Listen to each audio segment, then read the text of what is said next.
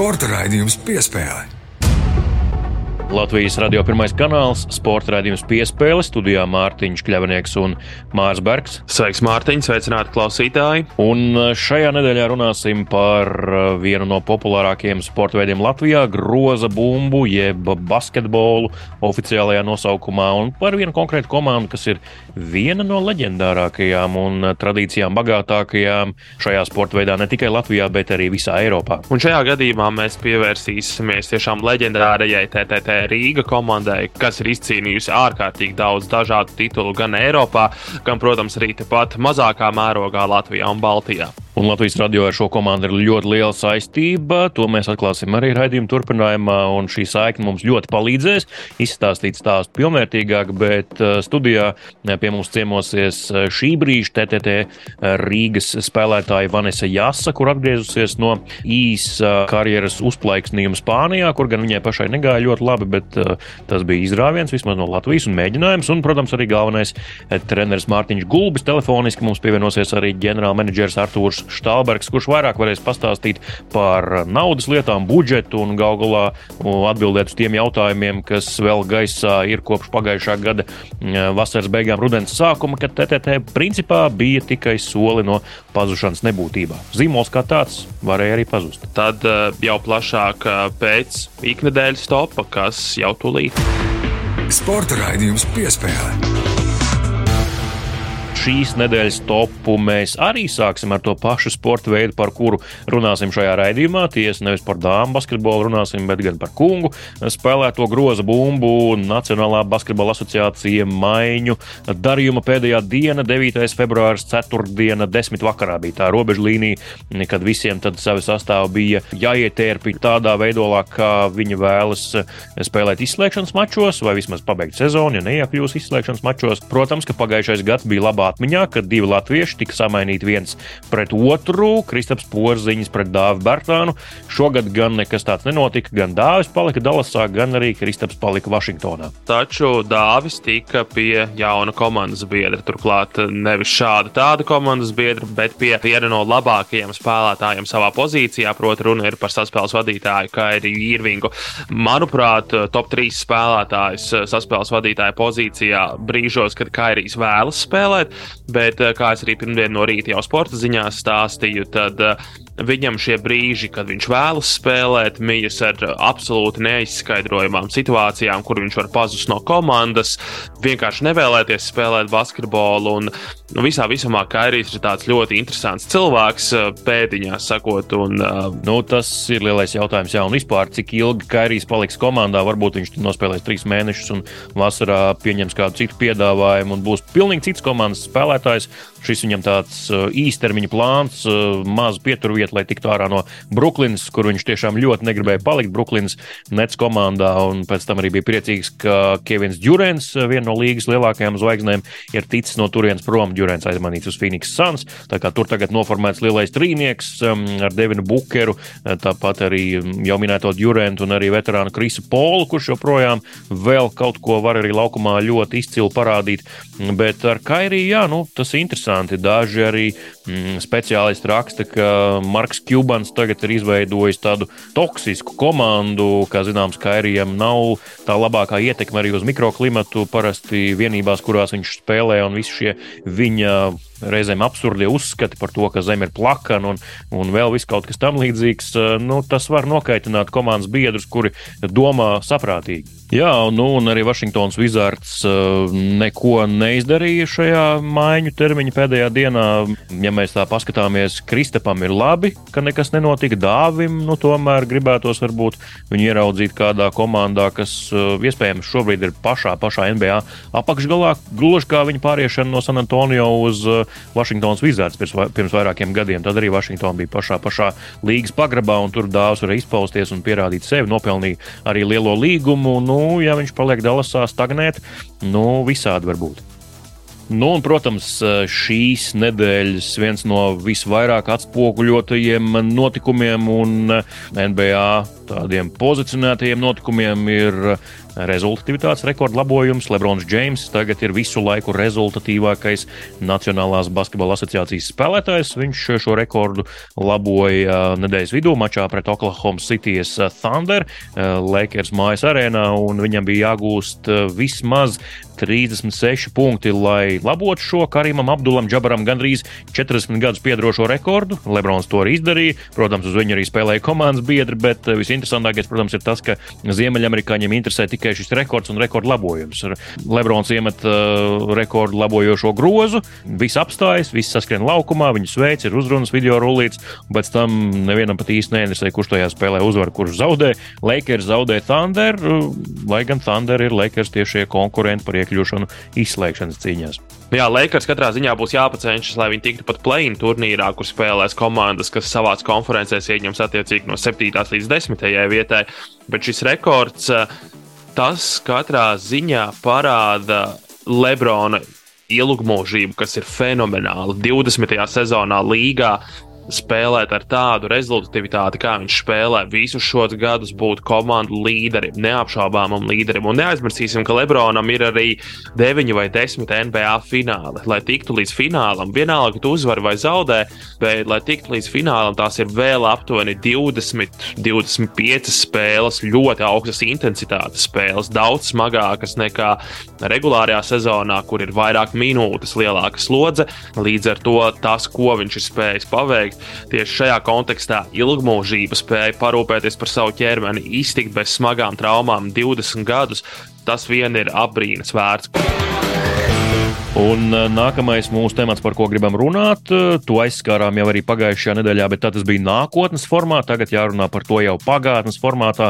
Ernests Gulbis ir noslēdzis savu karjeru Latvijas tenisa izlasē. Diemžēl Latvijas izlase spraigā, ļoti spraigā un dramatiskā cīņā tomēr šeit pat Rīgā zaudēja Izrēlai. Um, Izraels tenisistiem šajā duelī ar 2-3 latviešu piekāpās, lai gan pēc pirmās dienas bija vadībā ar 2-0, bet Ernests atvadījās no izlases ar zaudējumu dubultā spēlē eh, Svētdienas rītā, lai gan pēc karjeras noslēgšanas vēl komentāros bija izteicies, nu, ka, ja nebūs pārāk uh, daudz svars pieaudzis pēc karjeras beigām, varbūt izlasē vēl uzspēlēs, ja būs tāda ļoti akūta nepieciešamība tuvākajos gados. To viņš tieši man teica, atbildot uz manu jautājumu preses konferencē pēc zaudējuma uh, piektajā spēlē, kad Kārlis Ozoliņš zaudēja izšķirošajā vienspēlē, bet Nārnas tam neveiksme, tiešām neveiksme, šī, viss šis atvada pasākums. Ja vienspēle sestdien viņš uzvarēja, spēja izmocīja, godīgi sakot, jau varēja redzēt arī trešajā sēdā, ka viņš to bumbiņu tikai pārbaksta pāri tīklam, lai būtu spēlē.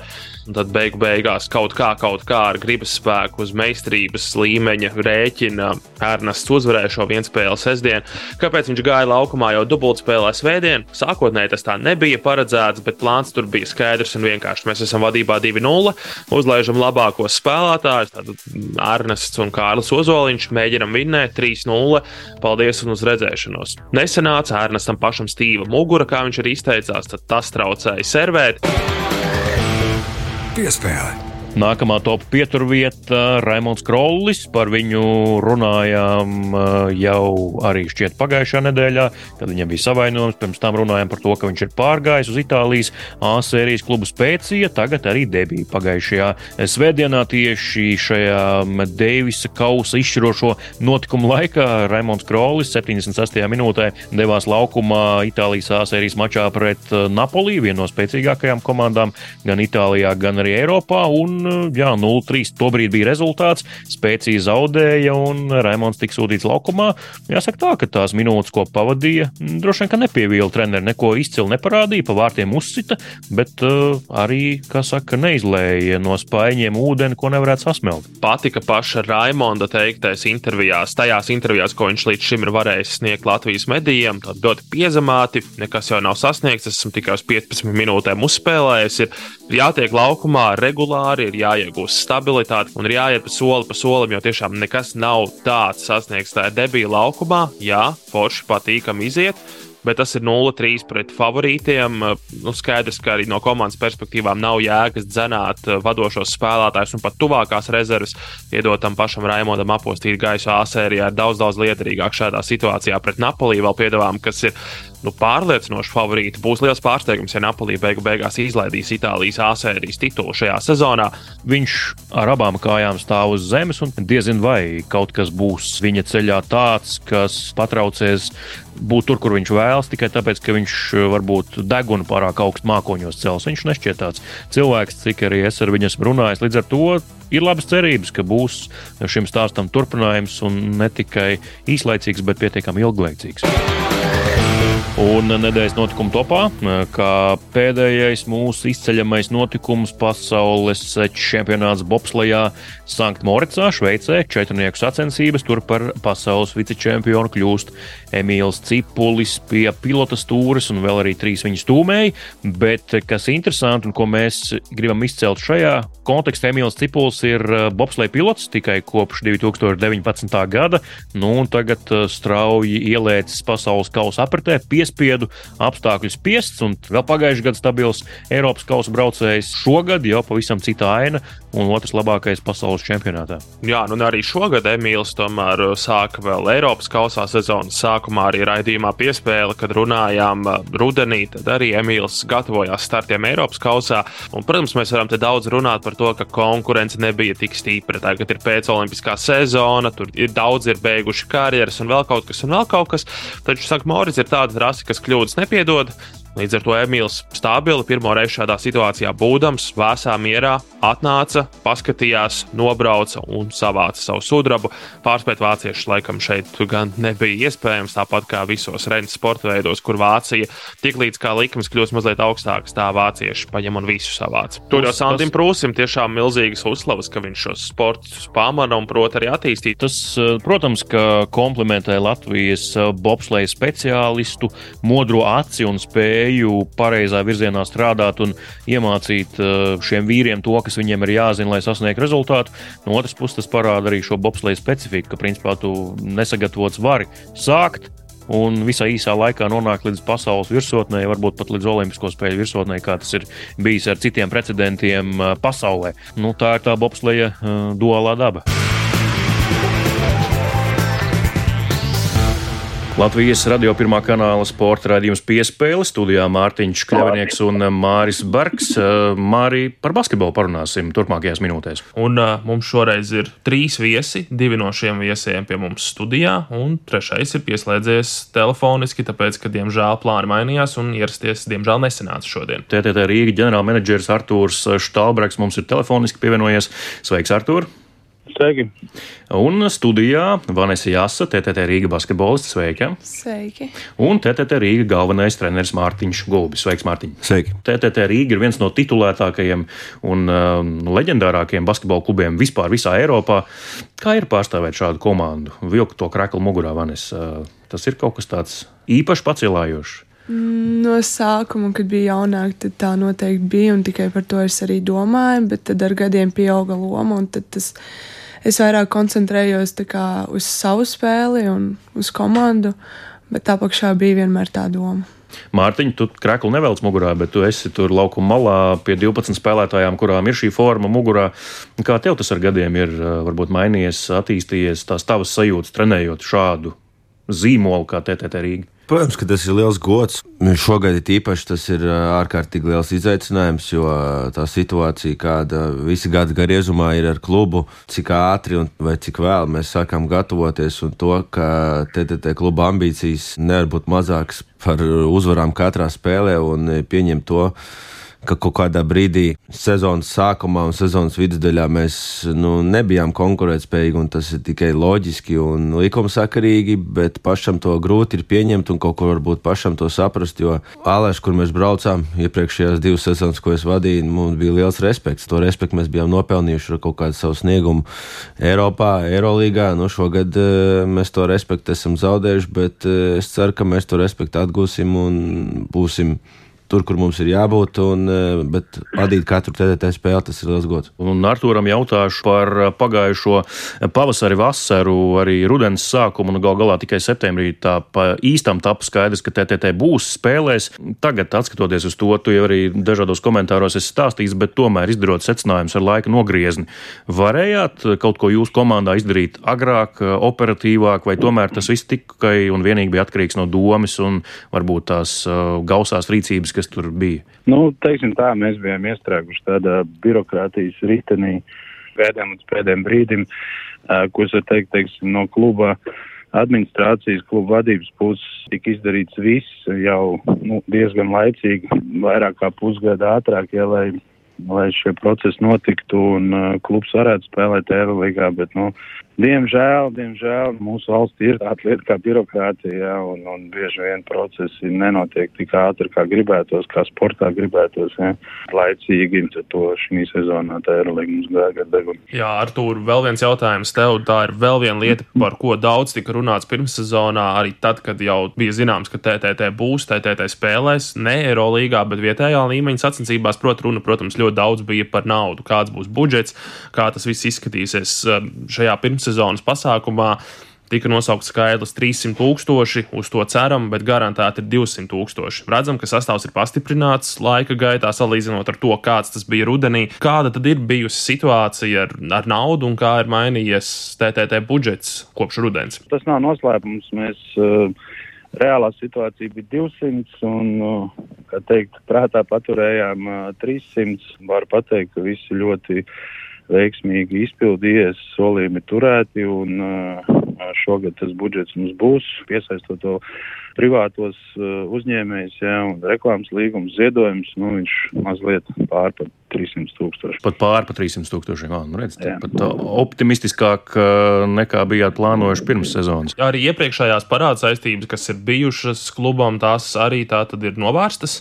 Jā, pilnībā viss parāda saistības ir nosektas. Jaunai biedrībai arī nekāda parāda saistība nav. Kā, nu, faktiski mēs esam sākuši tādu jaunu dzīvi no, no balts lapas. Un šo sezonu nekādu kavējumu, algu aizkavējumu nav. Viss ir kārtībā, jā? Ja? Nu, paprasiet Mārtiņam. Mārtiņ? Viss ir kārtībā. Jāsāk spēlēt, tad arī paalgu domāsim. Nē, mūsu klubā pa trīs gadiem mēs nekādas sankcijas neesam liels piekopuši. Nu, ir tur kaut kādas minimālas bijušas, jā, bet, nu, jāsaprot tas, ka, protams, tas, mēs komandas doto brīdi sākam veidot pilnībā atkal no nulles. Mums jauns spēlētājs pievienojās un, nu, trenerim, kā teikt, tas ir ļoti liels galvas sāpes, bet kas priecē, kad visu šo trīs sezonu laikā, teiksim, vadības, treneru korpusu un vadības līmenī mēs vienmēr visus jautājumus esam spējuši izrunāt un atrisināt. Jā, paturpinot varbūt vēl šo tematu par budžeta jautājumiem, zinām, ka finanses situācija nevienam nav viegli šobrīd, arī uzņēmumiem iet kā iet,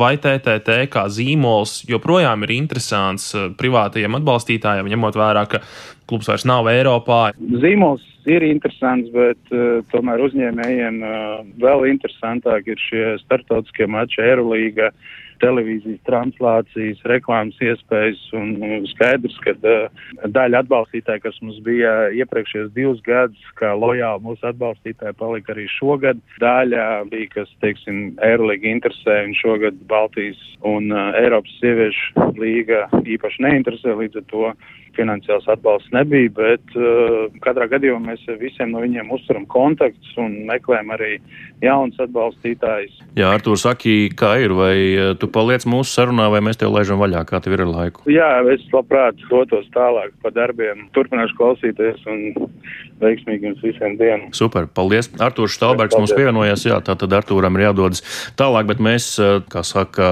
visus tos smagos jautājumus vai vairumu no tiem par finansējumu, budžetu un uh, sponsoriem esam izrunājuši, tad atgriežamies studijā pie Vanesas Jasas un uh, Mārtiņa Gulbja. Vanesa, tavu atgriešanās TTT Rīga komandā, tu esi viena no šīm uh, spēlētājiem, kas ir papildinājusi komandu. Kā tev nāca šis lēmums un kā tu tomēr nolēmi atgriezties mājās? Tā bija laba pieredze Spānijā, man, bet kaut kā man tur nesanāca. Laikam neparādīja sevi, kā vajag trenerei, lai viņa mani spētu izmantot laukumā. Un tieši bija piedāvājums no TTT Rīgas, un tad es izdomāju atgriezties, jo ir tas pats treneris, viss ir principā tas pats, un treniņi ir daudz kvalitatīvāki nekā tur. Rīgā ir treniņi kvalitatīvāk nekā Spānijā, vienā no Jā. spēcīgākajiem klubiem. Kā tas tā? Nu, es teikšu tā, ka kaut kur citur nav vienmēr labāk. Pat ja tā ir Spānija. Zāle nevienmēr ārpus mājām zaļākajām. Jā, kaut kā tā, bet um, tur bija tāda situācija, ka bija ļoti daudz spēles, un tad sanāca tā, ka ja bija treniņi, tad mēs izstaigājām skautingu, un man īsti nesanāca trenēties. Un tie laiki ar uh, zāli, kad ir brīva, arī īsti nebija. Un man sanāca vienkārši skatīties spēli no soliņa. Jā, bet vai ir kādas atziņas, ko tu esi paņēmusi pati sev no šī laika Spānijā? Es cenšos domāt tā, ka tā bija mana pieredze pirmā ārpus Latvijas, un es uh, mēģināšu neiespaidoties no tā, jo es zinu, ka man vēl var būt citas komandas, kur var būt daudz labāk, un uh, varbūt man dos vairāk iespējas, un man sanāks labāk sevi pierādīt. Tāpēc es cenšos to aizmirst un vienkārši iet tālāk. Kāda ir tā tava situācija? Es saprotu, ka tātad pagājušajā gadā pavasarī Spānijas klubs izpirkt tavu līgumu ar TTT. Ja? Jā. Tagad tu esi TTT atgriezusies uz īri, joprojām ar līgumu jā. ar spāņiem. Ja? Jā, tāds tā kā drošības variants. Es vēl varu atgriezties atpakaļ, bet dzīvosim, redzēsim. Algu tev maksā spāņu vai TTT. Jā, Mārtiņ, nu, Artūrs jau sacīja, jauns gads, jauna komanda. Ilza Jākopsona atgriezusies, Vanessa Jās atgriezusies, arī šī amerikāņu viesspēlētāja Dekija Koena ir pievienojusies. Tev arī sajūta, ka tā ir pavisam cita komanda. Nu, loģiski, ka tā ir cita komanda. Ja mēs atnāk, atnāk manā vietā apsēstos Ilzi un šeit apsēstos Andris Senmaks, tie arī būtu citi cilvēki. Nu. Nu, tas jau ir tas pats grūtākais, un brīžiem varbūt cilvēkiem liekas, ka tas ir tik vienkārši atbrauks Vanēs, atbrauks Ilze, un tev viss būs kārtībā. Viss notiks tā, tā, tā dzīve nenotiek, un ir vajadzīgs laiks. Šobrīd mums atkal ir 17 dienas bez spēlēm, izlases lokus, eh, nu, daudz sarežģījumu, daudz sarežģījumu. Ja man likās, ka man tās grūtākās sezonas ir aiz muguras, nu tad es šogad satieku vēl, vēl sarežģītāku situāciju. Nāk jauns spēlētājs. Šis spēlētājs nu, nav gatavs uzreiz ielikt tāpat vānēs. Es tik slikti viņu neesmu redzējis. Es nezinu, ko viņi tur ir darījuši.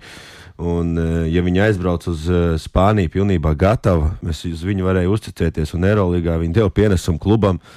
Un stāstīt man, ka viņi nevar spēlēt Spānijas līgā, nu tas es nezinu. Nu, tur ir jāsēžās, viņiem jādomā. Bet labā lieta ir tā, ka viņi ir šeit, viņi var uh, izglābt savu sezonu, izglābt uh, TTC klubu.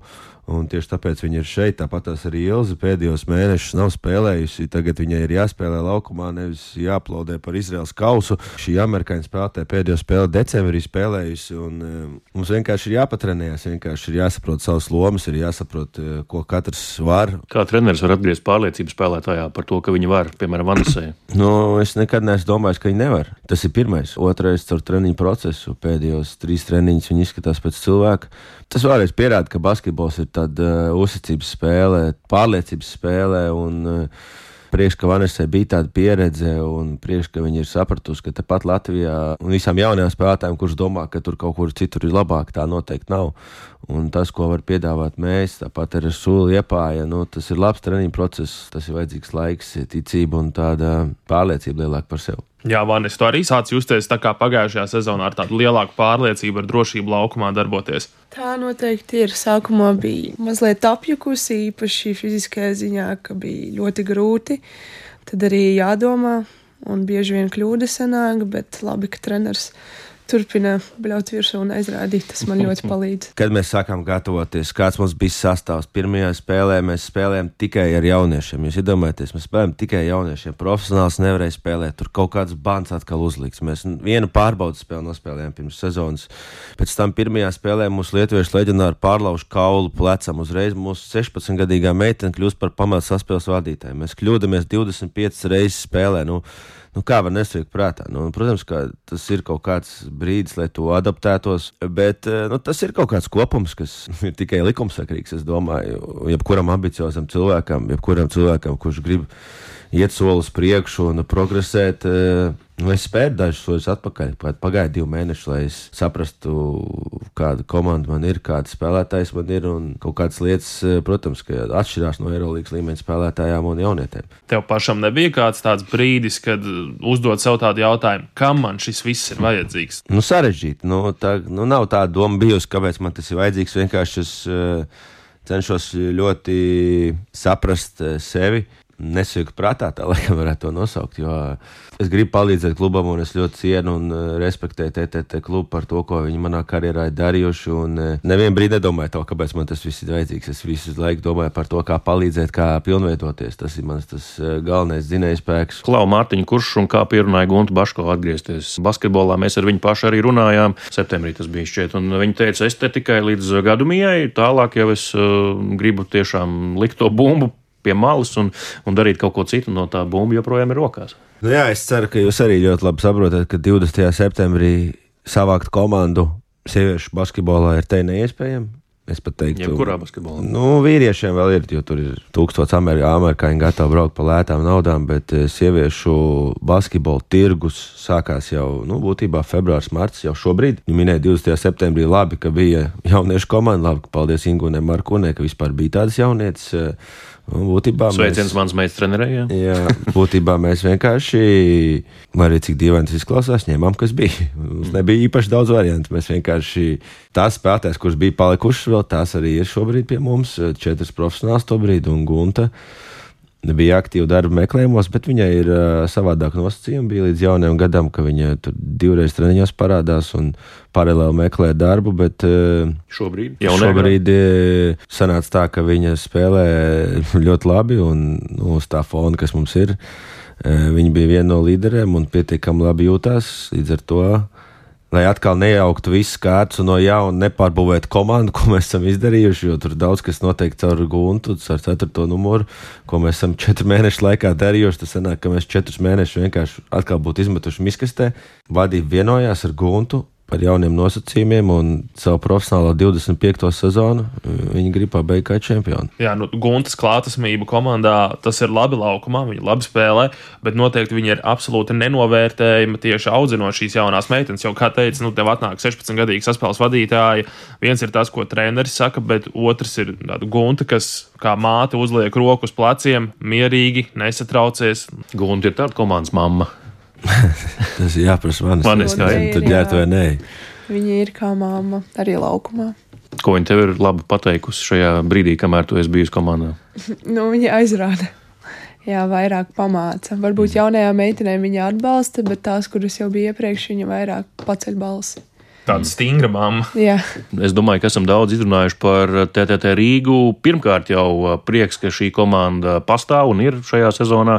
Sveiciens arī mūsu bijušajai kolēģei Initai Kresai Katkovskai, kur arī bija saspēles vadītāja TTT ziedu laikos, kad tur spēlēja arī Uljāna Semjonova. Tā kā arī ir radio, TTT ir svarīgs klubs un nozīmīgs klubs arī tādā radio gājumā. Prieks, ka esat, bet par to čempionu titulu droši vien Mārtiņa būs sīva cīņa Latvijā šogad. Protams, tas jau, ko es minēju, tikko atgriežamies pie tās pašas komandas, jo komanda visu gadu ir kopā un spēlē, jūt vienu otru. Tas jau ir tāds iestrādāts mehānisms. Un, uh, Mums ir vēl šis mehānisms jāatrod, vienkārši jāiet soli pa solim. Tas, es domāju, ir pats pats labākais, kas var būt, ka tev ir jācīnās par savu vietu zem saules, un tas ir profesionālais sports, izdzīvo stiprākais, uzvar vai tu vai pretinieks, un viss tur nav nekāds cits jautājums. Tas, manuprāt, ir izcili. Paldies. Vanessa Jāsa, Mārtiņš Gulbis, TTT Rīga pārstāvi bija šeit studijā. Sarunas ievadā arī runājām ar komandas ģenerālmenedžeru Artūru Štālbergu. Paldies jums, ka ieradāties. Paldies, ka atnācāt ciemos. Nu, tad gaidām tās zelta medaļas jūsu kaklā sezonas noslēgumā Latvijas čempionāta zelta medaļas. Tas nozīmēs arī, protams, atgriešanos Eirolīgā pēc tam. No to mēs vēl, kamēr tas vēl nav trīs gadus klausos šo, kad viss būs kārtībā, izdara to, izdara to. Tu jau gaidi smagu vasaru. Jā. Tiec, tiec astotniekā būs viss, jā, izdarām to, izdarām to. Un Tāpēc es saku, ka tas, tā, tā politika, ka es nezinu, kas tur nosaka to visu un kas tur ir atbildīgs, pilnībā neietekmē mūsu rezultātus, ko mēs darām, kā mēs spēlējam. Jo, lai sieviešu aerolīgā startētu veiksmīgi, mums paveicās pagājušā sezonā, pavisam noteikti paveicās ar viesspēlētājām un jauniem spēlētājiem. Nu, tā mājā ir jānokomplektē komanda vismaz 5-6 spēlētājs, jo savādāk tas ir ar mūsu budžetu un mūsu iespējām, tas ir lēciens aizā. Nu, tad, lai izdodas aizdīt tādu mierīgu vasaru, kad jau kāds vismaz sešnieks ir zināms jau ap maiju. Nu, maiju. Jau divām tas jau būtu daudz. tas būtu jau daudz, jā. Lai, lai tā notiek. Un paldies, uh, Vanēs, paldies, Mārtiņ. Tad uh, vērojam TTT spēles un sekojam līdz komandai. Jā, tieši tā, paldies, ka atnācāt un uz tikšanos laukuma malā droši vien. Paldies, visu labu! Sporta raidījums piespēlē. Latvijas radio pirmais kanāls, sporta raidījums piespēle, studijā Mārtiņš Kļavinieks un Mārs Bergs. Laiks mūsu raidījuma tradicionālajai rubrikai, kur ielūkojamies tajā, kā lietas notika pagātnē, dažādos sporta veidos vai sporta veidu niansēs. Un šodien skaidrs, ka runāsim par TTT Rīga kluba vēsturi un Māri, tu devies ciemos pie TTT Rīgas bijušās spēlētājas. Tiešām devos ciemos pie mūsu bijušās kolēģis, pie Initas Kreisas Katkovas, kas ilgadējās Latvijas radio sporta žurnālistis un arī raidījuma piespēle vadītājs, lai caur viņas atmiņām nedaudz ielūkotos, kāds tad bija TTT laikos, kad pati Inita bija laukumā, spēlēja kopā ar vienu no Latvijas basketbola spožākajām zvaigznēm Uljānu Semjonovu, protams, ar daudzām, daudzām citām spēlētājām plecu pie pleca devās laukumā. Vēstures stūrītis. Man bija kladē izgriezts no avīzes sportiņa. Par visām TTT meitenēm es zināju visu biogrāfiju. Tas bija liels mērķis tikt TTT komandā. Tā bija leģendāra komanda jau tad. Un, protams, ka mēs darījām visu, lai tajā nokļūtu. Man tas ceļš līdz lielai komandai praktiski sākās tajā brīdī, kad 76. gadā, kad mēs izcīnījām Ļuvovā, tagad Ļuviva.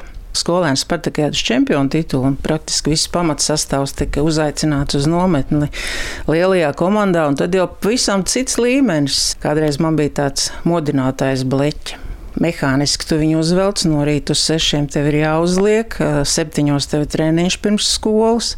Nu, ja tu gribi nevis sēdus tikai, bet uzreiz stāvus, tad tu ieliec bleķa bļodā vēl to modinātāju, nu, kā jaunībā gribās gulēt. Nu, tad pēc tam ir skola, pēc tam ir vakar treniņš. It kā jau tu skaities vēl skolēns, bet nu, tas ir tas smagais ceļš, kā tev ir jābūt labākajam tajā savā pozīcijā, lai tevi lielajā komandā iekļautu starp 12 labākajām. Nu, protams, ka tās emocijas, kad tu nonāc komandā, kurā ir jau divkārtēja olimpiskā čempiona Uļa īpaši svarīgs un cēls tajā brīdī spēlēt kopā un izbaudīt eh, komandas atmosfēru. Un, un praktiski tā TTT ikdiena mums bija ļoti, varētu teikt, tā kā uz, uz lielas skatuves, jo jaunieši mūs pazina universitātē, kad tu gājā, nu jūs jau tur varat kaut kādas atlaides, jums tur ir, jūs jau sportojat, bet nu, tas viss bija diezgan pasmagu un tā. Bet nu, labākās atmiņas, kas ir, ir tādi arī interesanti momenti palikuši atmiņā. Piemēram, Viļņā mums bija PSRS tautas Spartakijāda. Tajā laikā arī amerikānietis piedalījās. Kā uzaicinātās nu, pēc uzvaras, kad arī tika uzvarēta Lietuva, mēs braucam atpakaļ ar autobusu. Protams, pārsniedz ātrumu, lietuviešu ceļu policisti aptur. Nu, ak, jūs bijāt tās, kas uzvarēja. Nu, labi, labi, šoreiz aizbrauciet, nu tā kā palaiž. Aizbraucam uz uh, Rīgu. Rīgu un, un pie Ilzas Šuldas Brumermans vecā Svedlovīla, kā tagad nu, brieži. Toreiz Svedlovīlas nosaukums un viņas, viņai lielais dzīvoklis augšā mācīja dziedāt operu dziedātājiem tādi zahodņiki uzvārds la la la la la la la la la la no rīta līdz vakaram viņiem skanēja cauri, bet mums bija balīti, mums bija viss jauki tādā ziņā un pieminot arī Ilzas tēvu, Ojāru Šulcu, viņam bija kaut kāds komandējums Svedlovskā un viņš atnāk uz to maču Viņš tāds, zina, Žerārs Filips jaunībā skaists ar rietumvādu žaketu. Un mums kā parasti nevienmēr pa labi TTT komandē tiesā, jo tā kā tagad ir Kremļa marionetes un um, propagandisti, kas kladzina kā vajag, tad, tad arī bija tiesneši, kas tiesāja tā, kā viņiem lika, varbūt. Nu, bet, protams, nu, kā mēs teicām, koka roka, jā, vienvirziena. Nu, viņš tagad aiziet pie tā tiesneša pārtraukumā un saka, nu, ziniet, ja jūs nemainīsiet savu spēles politiku un mm, netiesāsiet godīgi, tad jums būs darīšana ar mani. Maskavā sporta komitejas trešā stāvā 357. kabinets, es jūs tad izsaukšu un diez vai jūs pēc tam vairs varēsiet turpināt tiesāt. Nu, otrā puslaikā aizgāja tā kā pa sviestu. Viss bija normāli, ja. Puisis bija sapratis, ka nevajag tur nekādas kādas problēmas taisīt un tā. Nu jā, bet uh, droši vien, ka, ja es to nepateikšu tagad, tad daudz varbūt basketbola fani nemaz nevar iedomāties, ka manai paudzei ir trīs māmiņas, kurām ir četri bērni. Ilza Šolds Brumermana, kas man pirmās kāzās bija vedēja māte. Nu, viņa ir arī mamma Aijai Klakotskai, kurai nolikā piedzima meitiņa, tā tad būs TTD papildinājums. Viņai četri bērni, Loritei Saušai un mm, Laimdotai Zariņai, kas tēloja īstu pamācību mīlēšanā Zaplīs kopā ar Gunāru Placēnu. Tā kā mūsu vidū ir arī aktrise. Varbūt pastāstīja par to, kā bija spēlēt kopā ar Uļu, jo esmu lasījis nu, dažādas rakstus, ka Uļa esot bijusi ļoti prasīga. Viņai vajag bumbu nogādāt tieši tur, kur vajag, un ļoti precīzi arī to spēku, īstajā augstumā. Un, ja kaut kas nebija, tad Uļa varēja arī pateikt visu, ko domā. Viņa arī pateica visu, ko domā. Viņa ielika rokas šitā sānos pēc manas neprecīzās piespēles, nec mainiet viņu nost. Karnītis stāv malā, plāt rokas, un dabīgi, ka viņš maina man nost. Bet, nu, pēc tam starpbrīdī uļi atnāk un, un uzsit uz pleca. Viņš saka, viss kārtībā, nepārdzīvo par uļas um, spēles stilu. Nu, viņa tomēr bija talants, neapšaubām, jo ir daudz basketbolistus arī tagad, bet uh, viņas nespēja uzņemties to līderu lomu. Karnīts bija uh, saukts par viltīgo lapsu, viņš bija izcils taktiķis un uh, viņš pielāgoja Juļu tam stilam. Praktiski pārējo komandu pielāgoja, lai viņi varētu iemest uh, mūsu mazo funkcijas tādās spēles taktikas izpratnē bija. Uļu, ja sedz vienu, tad tur bija bez variantiem. Viņš samet, ja piestājās pārējās sedzējas pie viņas, tad pārējām bija vienkārši bez sedzēja jāiemet. Tas bija mazo meiteņu uzdevums. Bet nu, spēle bija diezgan statiska, un daudziem jau arī tā nepatika. Bet, nu, kā saka, uzvarētājs netiesā, un, un, tas laiks tāds bija. Bet droši vien, arī šajā kontekstā ir jāpiemina, ka es ienācu komandā, tā, tā jau bija slavena un uh, Eiropas kausa leģendāra komanda, kas jau izcīnījusi gan Eiropas kausa, gan PSRS čempionu titulu Oļģerts Aldbergs kā pirmais treneris bija īpaši psihologs veiksmīgs, un tajā laikā gan Skaidrītas Milziņa Budovska, gan uh, Silvija Kroder, Dzidra Karāmiševa, Helēna Hekta, tās tās īpašās zvaigznes. Nu, izmantojot izdevības, arī gribētu Skaidrīti Budovsku apsveikt ar gaidāmu apaļo jubileju viņai marta sākumā. Es te pieminēju to pirmo sastāvu par eh, dzintru mm, baku. Tā ir Anita Jēkabsone Žogutē vecmāmiņa, starp citu arī viena no tām slavenajām, kas pirmajā komandā spēlēja. Nu, tā interesanti, redz, ka Anita pēc tiem gadiem ir gan TTT spēlējusi, gan arī tagad Rīgas domē, un es domāju, ka arī viņa varētu noteikti būt tas labvēlis, kas ir vajadzīgs noteikti komandai, lai viņi ilgtermiņā pastāvētu, jo uz veciem pamatiem jau vien nu, komanda nevarēs uzturēt ilgtermiņā. Bet es eh, gribu pateikt lielu paldies visiem tiem, kas šajā rudenī un vasarā palīdzēja komandai noturēties, jo bija jau stāsts, ka varbūt vispār likvidēs. Tas nozīmē, ka sieviešu basketbolam būtu ļoti liels problēmas. Bet kā to noturēt ilgtermiņā, es domāju, ka ir jāmeklē šāda veida cilvēki. No net strādā domē, no viņiem droši vien vajadzētu aktīvāk uh, sist dūru uz galdu un teikt, nu, ir jādara viss, ir jāmeklē labvēļi, lai varētu būt tāda pozitīva attieksme, jo kādreiz mums bija Aleksandrs Zālītis, pateicoties kuram sāku būvēt arī šo sporta zāli, kas ir TTP, Maigons Geistarts. Vēl pēdējos gados mums liels draugs ir Andris Ārgals, kas bija bijušais Rīgas mērķis. Tāda, tāda līmeņa cilvēkiem ir jābūt, jo mēs nevaram, protams, tagad meitenēm teikt, nu tev ir jāspēlē klubā par taukšķu vai diviem, ja, ja tu vari ārzemēs nopelnīt krietni vairāk, un tas sportists mūžs jau ir ļoti īss, un to, to jau mums ir jāsaprot. Cits stāsts ir par izlasi, ka, protams, ja tu spēlē izlasē, tas ir gods, un tā arī meitenes visas cenšas to realizēt, bet lai klubā, nu tur ir šī nauda vajadzīga.